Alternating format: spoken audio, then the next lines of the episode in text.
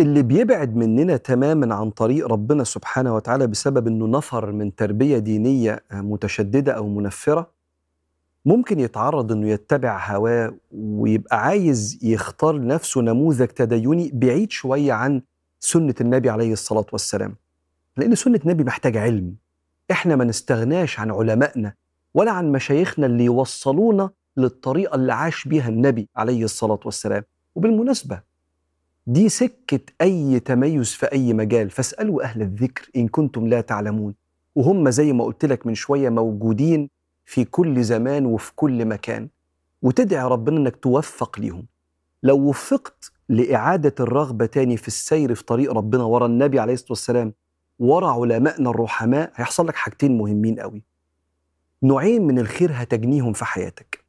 أول حاجة راحة البال. والإحساس بمعية وسند ربنا.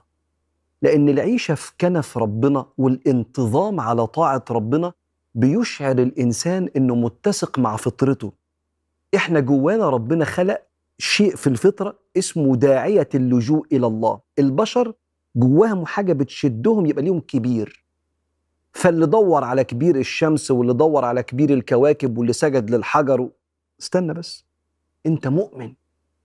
انت مسلم انت ربنا كبيرك فانت في حاجة من جواك بتشدك كده انك دايما تبقى بتدعي وبتصلي وبتذكر وبتعمل عمل خير. لما ترجع للسكة دي انت هتتسق مع تكوينك من جوه. عشان كده لما ربنا كان بيكلم سيدنا النبي عليه الصلاة والسلام والكلام لينا قال له طه ما أنزلنا عليك القرآن لتشقى. الذكر والقرآن ده عشان تحس براحة البال وتمشي في سكة فيها سعادتك في الدنيا والآخرة. ما أنزلنا عليك القرآن لتشقى إلا تذكرة لمن يخشى تنزيلا ممن خلق الأرض والسماوات العلى. الرحمن شوف اسم ربنا اللي جه في الصورة هنا. الرحمن على العرش استوى. له ما في السماوات وما في الأرض وما بينهما وما تحت الثرى.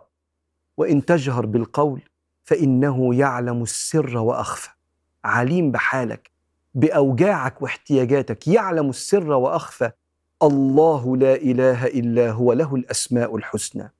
كأن ربنا بيقول لك اسمائي وصفاتي متفرقة في الكون دور عليا. وامشي في السكة دي. هتحس بده بالأمان ده والمعية دي. لو قعدت بناء رغبتك اللي اتطفت في الرأ في الإقبال على الله. حاجة التانية اللي هتحصل لك؟ هتحمي نفسك من اتباع الهوى. أي بني آدم مش ماشي على سكة النبي غالبا أفكاره اللي بتقوده. ساعات أفكاره بتبقى فيها احتياجاته ورغباته وشهواته وشطانه بالوساوس بتاعته. عشان كده ربنا قال في القرآن كل يوم تطلبوا تمشوا على سكة النبي. اهدنا الصراط المستقيم. أهو الصراط المستقيم اللي ربنا قال عليه في آية, في آية تانية وأن هذا صراطي مستقيما فاتبعوه. ولا تتبعوا السبل فتفرق بكم عن سبيله. حط خط على الأرض النبي كده عليه الصلاة والسلام وقال هذا صراط الله المستقيم. وقام حاطط خطوط تانية يمين وشمال وقال وهذه صرط جمع صراط طرق. هذه صورة الشيطان. على رأس كل صراط منها شيطان يدعو إليه. وقرأ الآية وأن هذا صراطي مستقيما. عشان تمشي على طريق سيدنا النبي توصل لربنا محتاج إن أنت تتعلم وترجع تاني رغبتك في الذكر والعبادة وكل يوم تسمع عشر دقايق ولا تلت ساعة من مشايخنا وعلمائنا بيكلموك عن ربنا وعن سيدنا رسول الله عليه الصلاة والسلام عشان الرغبة تتبني وتتولد تاني وتعيش. تشتغل وبتتفسح وبتخرج وبتلبس كل حاجة. ربنا آتنا في الدنيا حسنة بس هو في الآخرة حسنة. حسنة الآخرة بالسير ورا سيدنا النبي عليه الصلاة والسلام.